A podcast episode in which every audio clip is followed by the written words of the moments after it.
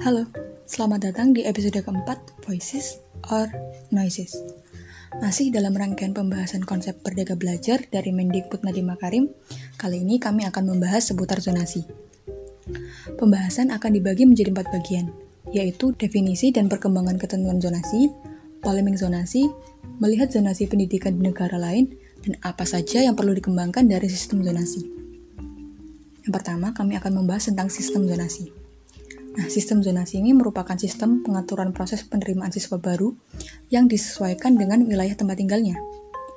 Ini bertujuan untuk memeratakan kualitas pendidikan agar tak ada lagi sekolah-sekolah yang dianggap favorit maupun sekolah yang dianggap non-favorit. Nah, zona yang dimaksud ini adalah area yang meliputi beberapa wilayah administratif, pemerintah tingkat kabupaten atau kota, kecamatan, dan atau desa atau kelurahan dalam jarak terdekat dengan satuan pendidikan yang diselenggarakan pemerintah dan ditetapkan oleh pemerintah daerah berdasarkan usulan dari Musyawarah Kerja Kepala Sekolah atau MKPS dan disetujui oleh Kepala Cabang Dinas Pendidikan.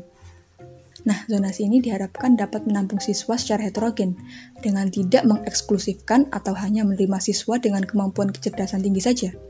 Di mana ini juga berhubungan dengan siswa dari kelas ekonomi menengah ke atas, karena mereka lebih banyak memiliki modal untuk belajar dengan mengikuti beberapa kursus. Penerapan zonasi ini memunculkan banyak harapan dari berbagai pihak. Salah satunya adalah melatih guru agar bisa menyesuaikan kemampuan siswanya yang beragam.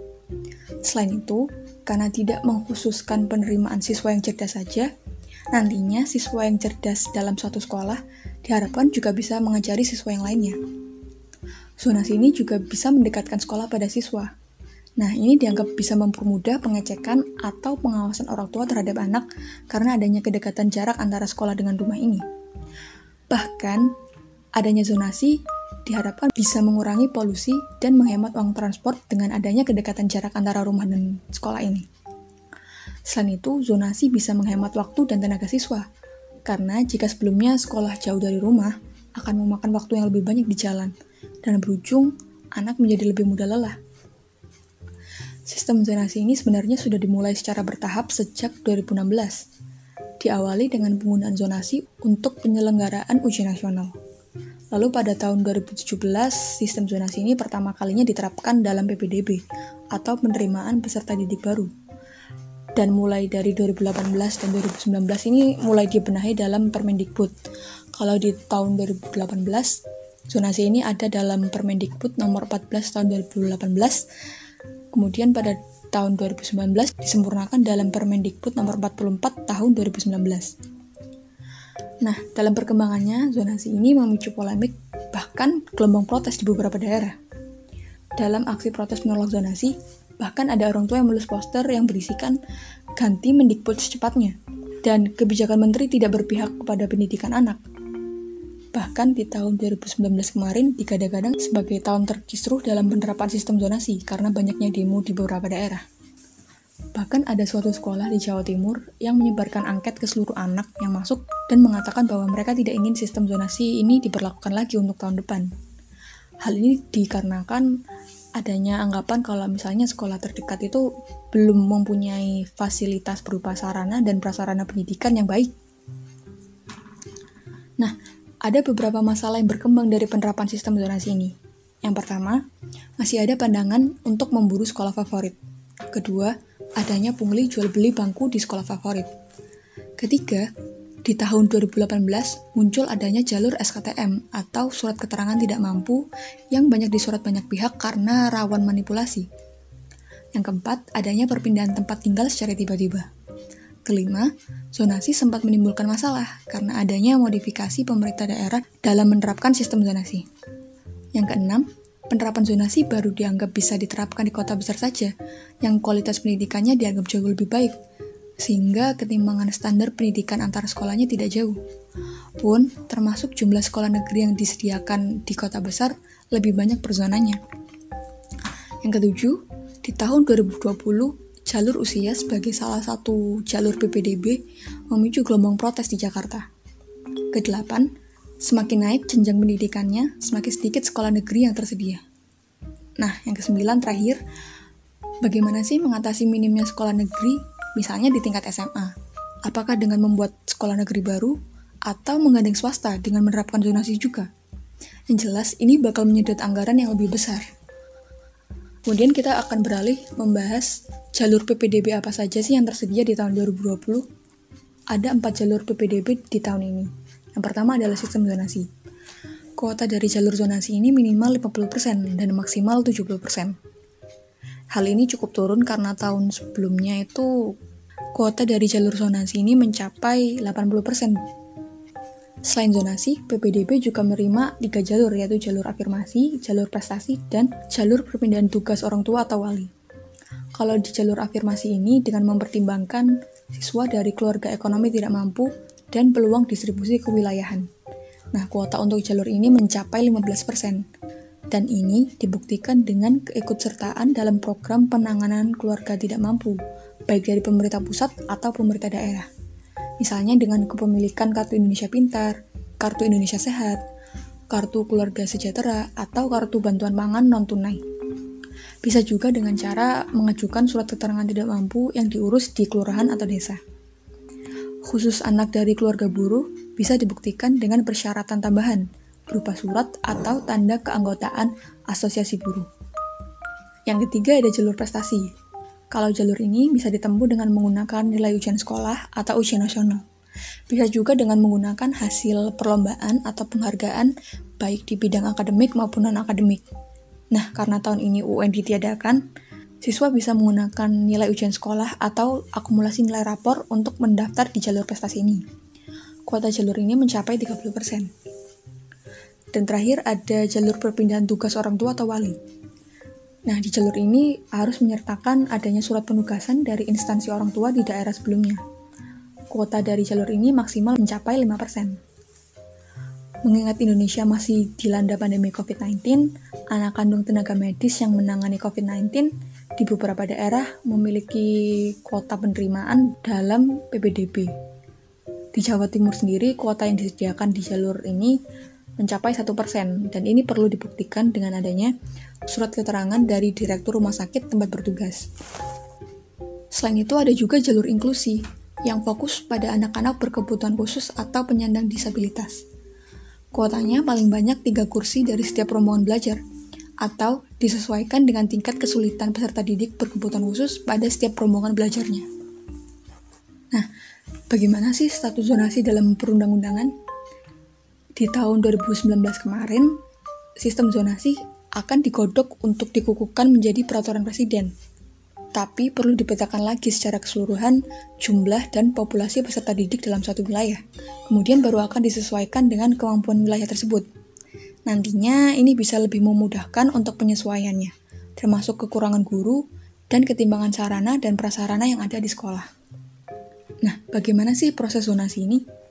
Di tahun 2018, jarak tempat tinggal terdekat yang dimaksud dihitung berdasarkan jarak tempuh dari kantor desa atau kelurahan menuju ke sekolah. Nah, pada berkembangnya di Surabaya, ketentuan ini diganti dengan jarak RT ke sekolah.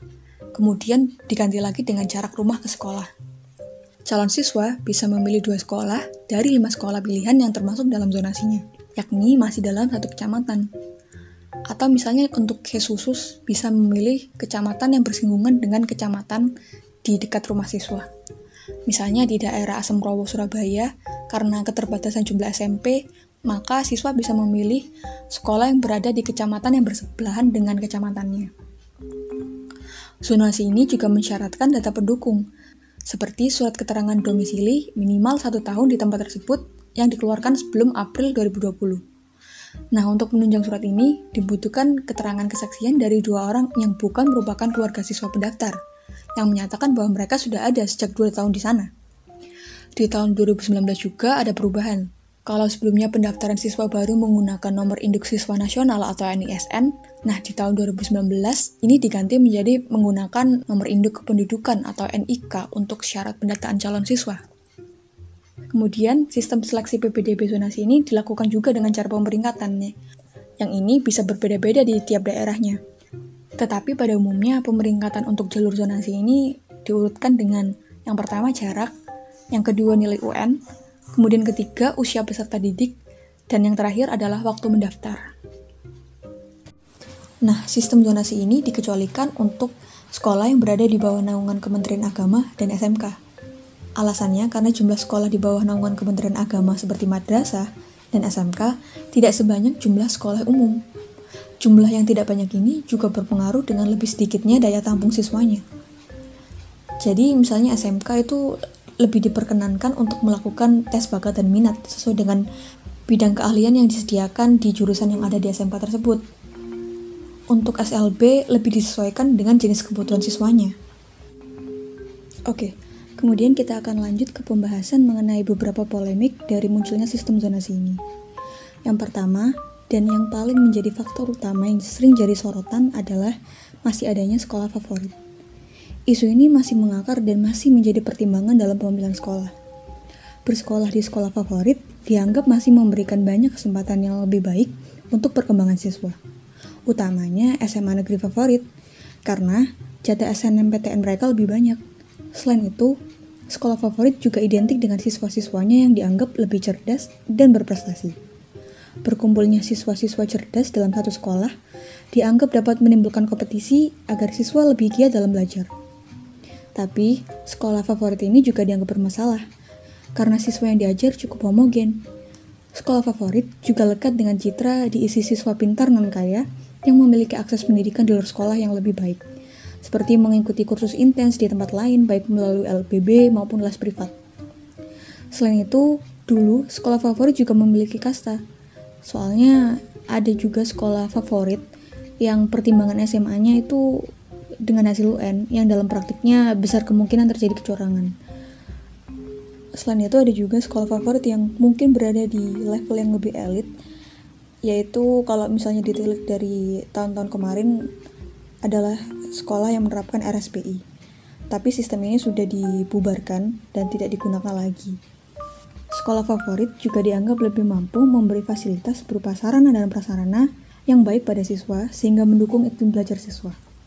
Nah, sekolah favorit ini kalau disederhanakan merupakan sekolah yang dikembangkan untuk mencetak output pendidikan yang unggul, yang ciri-cirinya bisa dilihat dari tingginya prestasi akademik dan non-akademiknya.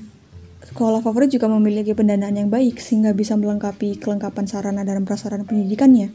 Selain itu, sekolah favorit juga memiliki sistem pembelajaran yang baik, praktik pengelolaan kelas yang baik, dan seleksi ketat pada calon siswanya. Di sini, posisi tawar sekolah favorit lebih tinggi karena mereka lebih bisa memilih siswa. Kalau dulu, cara mengukur sekolah favorit bisa dengan menggunakan indeks integritas ujian nasionalnya, Sekolah SMA misalnya bisa tergolong menjadi sekolah terbaik di Indonesia jika sekolah tersebut sanggup menjaga IIUN atau Indeks Integritas Ujian Nasionalnya dengan nilai 92 sampai 99 selama 6 tahun berturut-turut. Sekolah favorit ini menimbulkan polemik karena menciptakan adanya kasta sekolah dengan menyandangkan prestis bagi siswa yang berhasil diterima di sekolah tersebut. Model sosial ini memudahkan mereka dalam jenjang pendidikan selanjutnya. Misal, peluang lebih besar diterima lewat jalur SNMPTN. Hal ini berdampak pada siswa yang tidak diterima di sekolah favorit bisa menjadi le lebih inferior dan memiliki kesempatan atau peluang yang lebih sedikit dibandingkan yang bersekolah di sekolah favorit. Sehingga bisa dilihat bahwa baik orang tua dan anak mengharapkan masuk ke sekolah favorit karena lebih memiliki jaminan bagus untuk masa depan mereka. Nah, biasanya juga sekolah-sekolah favorit ini berkumpul di pusat kota, kalau di Surabaya misalnya, ada istilah SMA komplek, seperti itu. Nah, kasta sekolah ini bisa menyebabkan sekolah negeri di pinggiran kota tidak bisa terfasilitasi dengan maksimal. Karena peminatnya sedikit, pendanaannya sedikit, sehingga outputnya tidak sebaik sekolah favorit tersebut. Nah, setelah diterapkan zonasi, hal ini kemudian menjadi masalah dalam sistem zonasi. Karena di suatu daerah, satu kelurahan itu bisa berisi empat sekolah favorit. Dan masih banyak yang berlomba-lomba untuk bersekolah di sana. Nah, seperti yang sudah disinggung tadi, ada kaitan antara pemilihan sekolah favorit dengan jenjang pendidikan selanjutnya, utamanya SMA negeri favorit dan SNMPTN. Sebab sekolah favorit dengan akreditasi A bisa memberikan hingga porsi kuota 40% untuk siswanya agar bisa diterima melalui jalur SNMPTN. Namun di tahun 2020 ini kuota SNMPTN hanya sebesar 20% saja. Bahkan Muhajir Effendi, Mendikbud di periode lalu, mengatakan bahwa ia berusaha untuk menghapuskan adanya sistem SNMPTN. Menurutnya, tidak perlu lagi adanya akreditasi A, B, C, Yang diperlukan hanyalah apakah sekolah itu terakreditasi atau tidak memiliki akreditasi. Hal ini juga disebabkan agar tiap sekolah memiliki peluang yang sama agar siswanya sama-sama bisa masuk ke jenjang pendidikan tinggi dengan setara. Kemudian, permasalahan sekolah favorit ini terus berlanjut hingga memunculkan adanya pungli jual beli bangku sekolah. Bahkan, ada beberapa pejabat negara yang menitipkan anaknya agar dapat dimasukkan ke sekolah favorit tersebut, padahal pendaftarannya sudah ditutup. Salah satu kasusnya adalah anggota DPR RI yang tertangkap KPK karena jual beli kursi sekolah.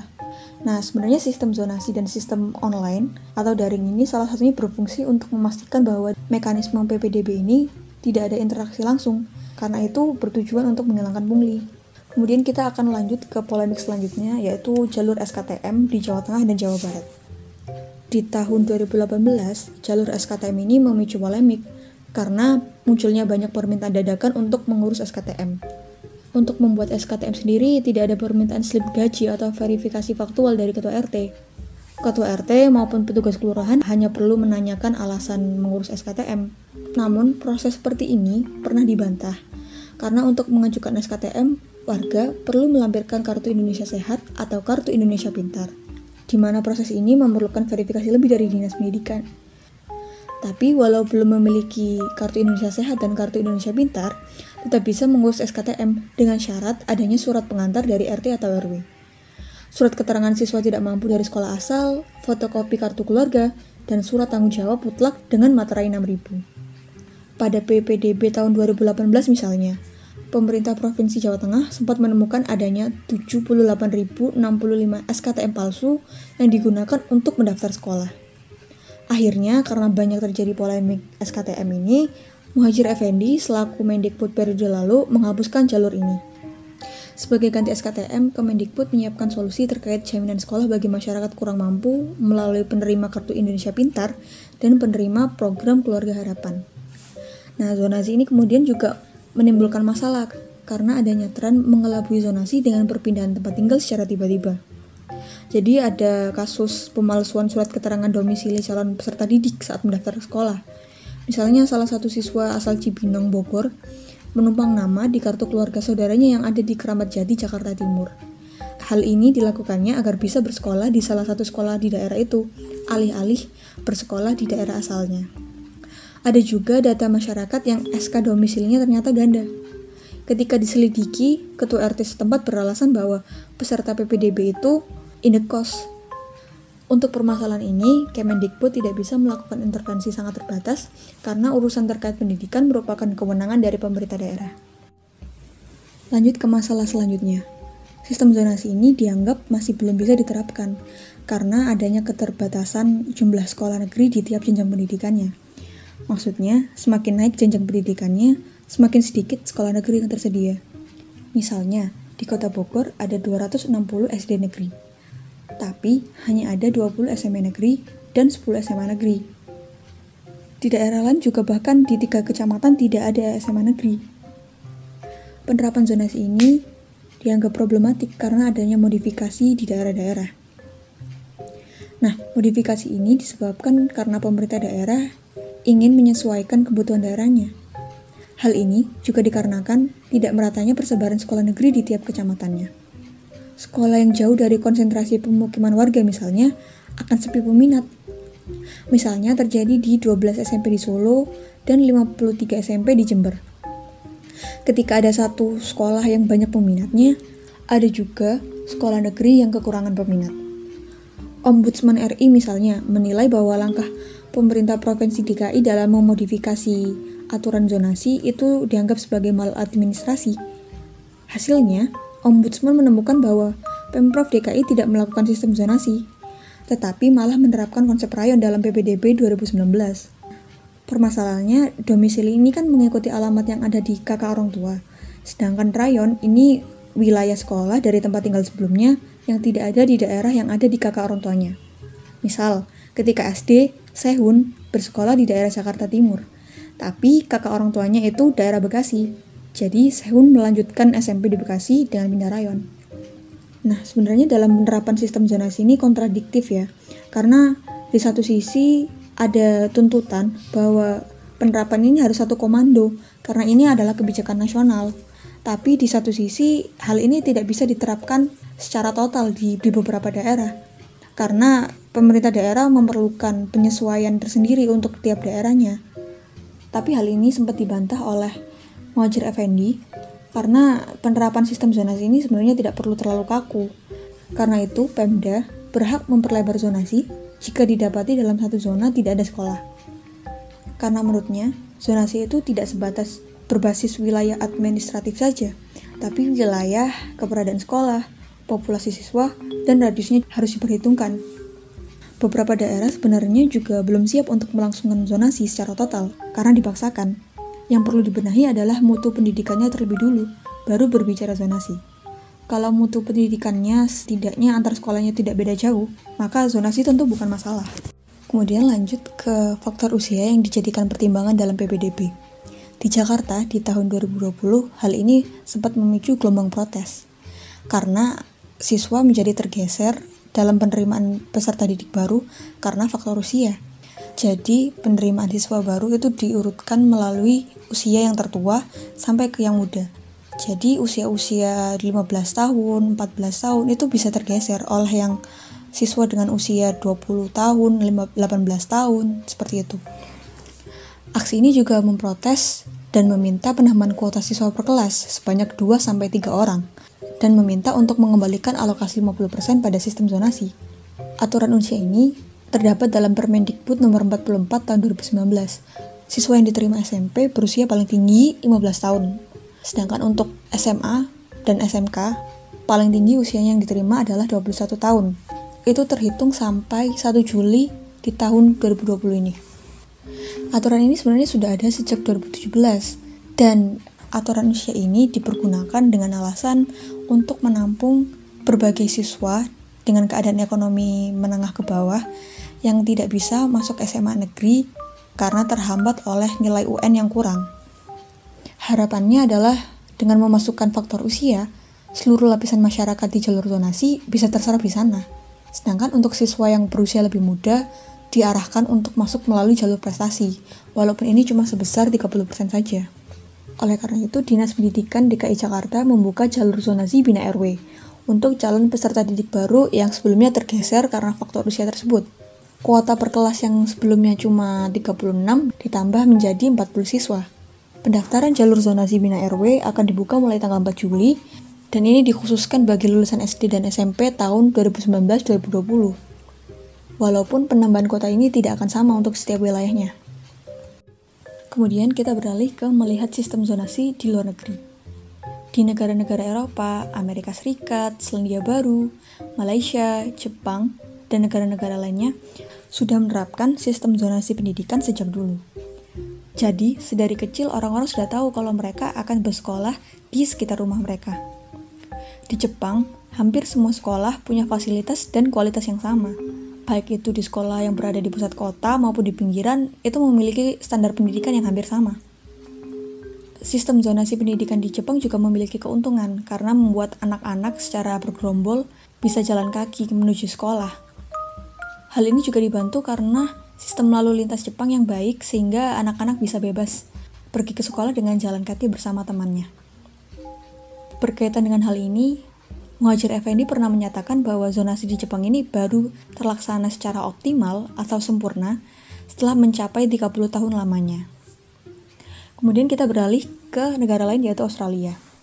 Nah, di Australia ini zonasi memang tidak bisa serta-merta menghapuskan adanya sekolah favorit di sana Australia sendiri menggunakan diagram Voronoi untuk dapat memperhitungkan kekurangan sekolah negeri yang berada pada titik yang sesuai dengan kepadatan penduduk usia sekolah di wilayah tersebut dan mempertimbangkan adanya sekolah swasta di zona tersebut. Di negara-negara lain seperti Perancis dan Selandia Baru, ternyata sistem zonasi ini juga belum bisa menghapuskan adanya sekolah favorit di zona-zona tertentu. Dan ini berakibat di sekitar wilayah zona tertentu itu dikelilingi oleh kelas menengah ke atas. Berbeda dengan negara-negara tersebut, Finlandia menerapkan sistem zonasi dengan memfokuskan kualitas pendidikan ke daerah-daerah yang memiliki murid yang berasal dari kalangan ekonomi menengah ke bawah. Jadi guru-guru terbaik dikirimkan ke sekolah yang berisi murid-muridnya berasal dari kalangan masyarakat menengah ke bawah atau yang diisi oleh siswa-siswa imigran. Di Finlandia sendiri, kualitas guru juga terjamin karena hanya lulusan terbaik lah yang bisa menjadi guru. Selain itu, Finlandia juga terkenal karena kualitas PNS-nya yang bersih. Kemudian kita beralih ke apa saja sih yang perlu dikembangkan setelah zonasi. Kemendikbud telah membentuk satuan tugas zona pendidikan di 8 klaster provinsi. Satgas ini bertugas untuk mensinkronisasikan koordinasi antara pemerintah pusat dengan pemerintah daerah dalam peningkatan kualitas pendidikan.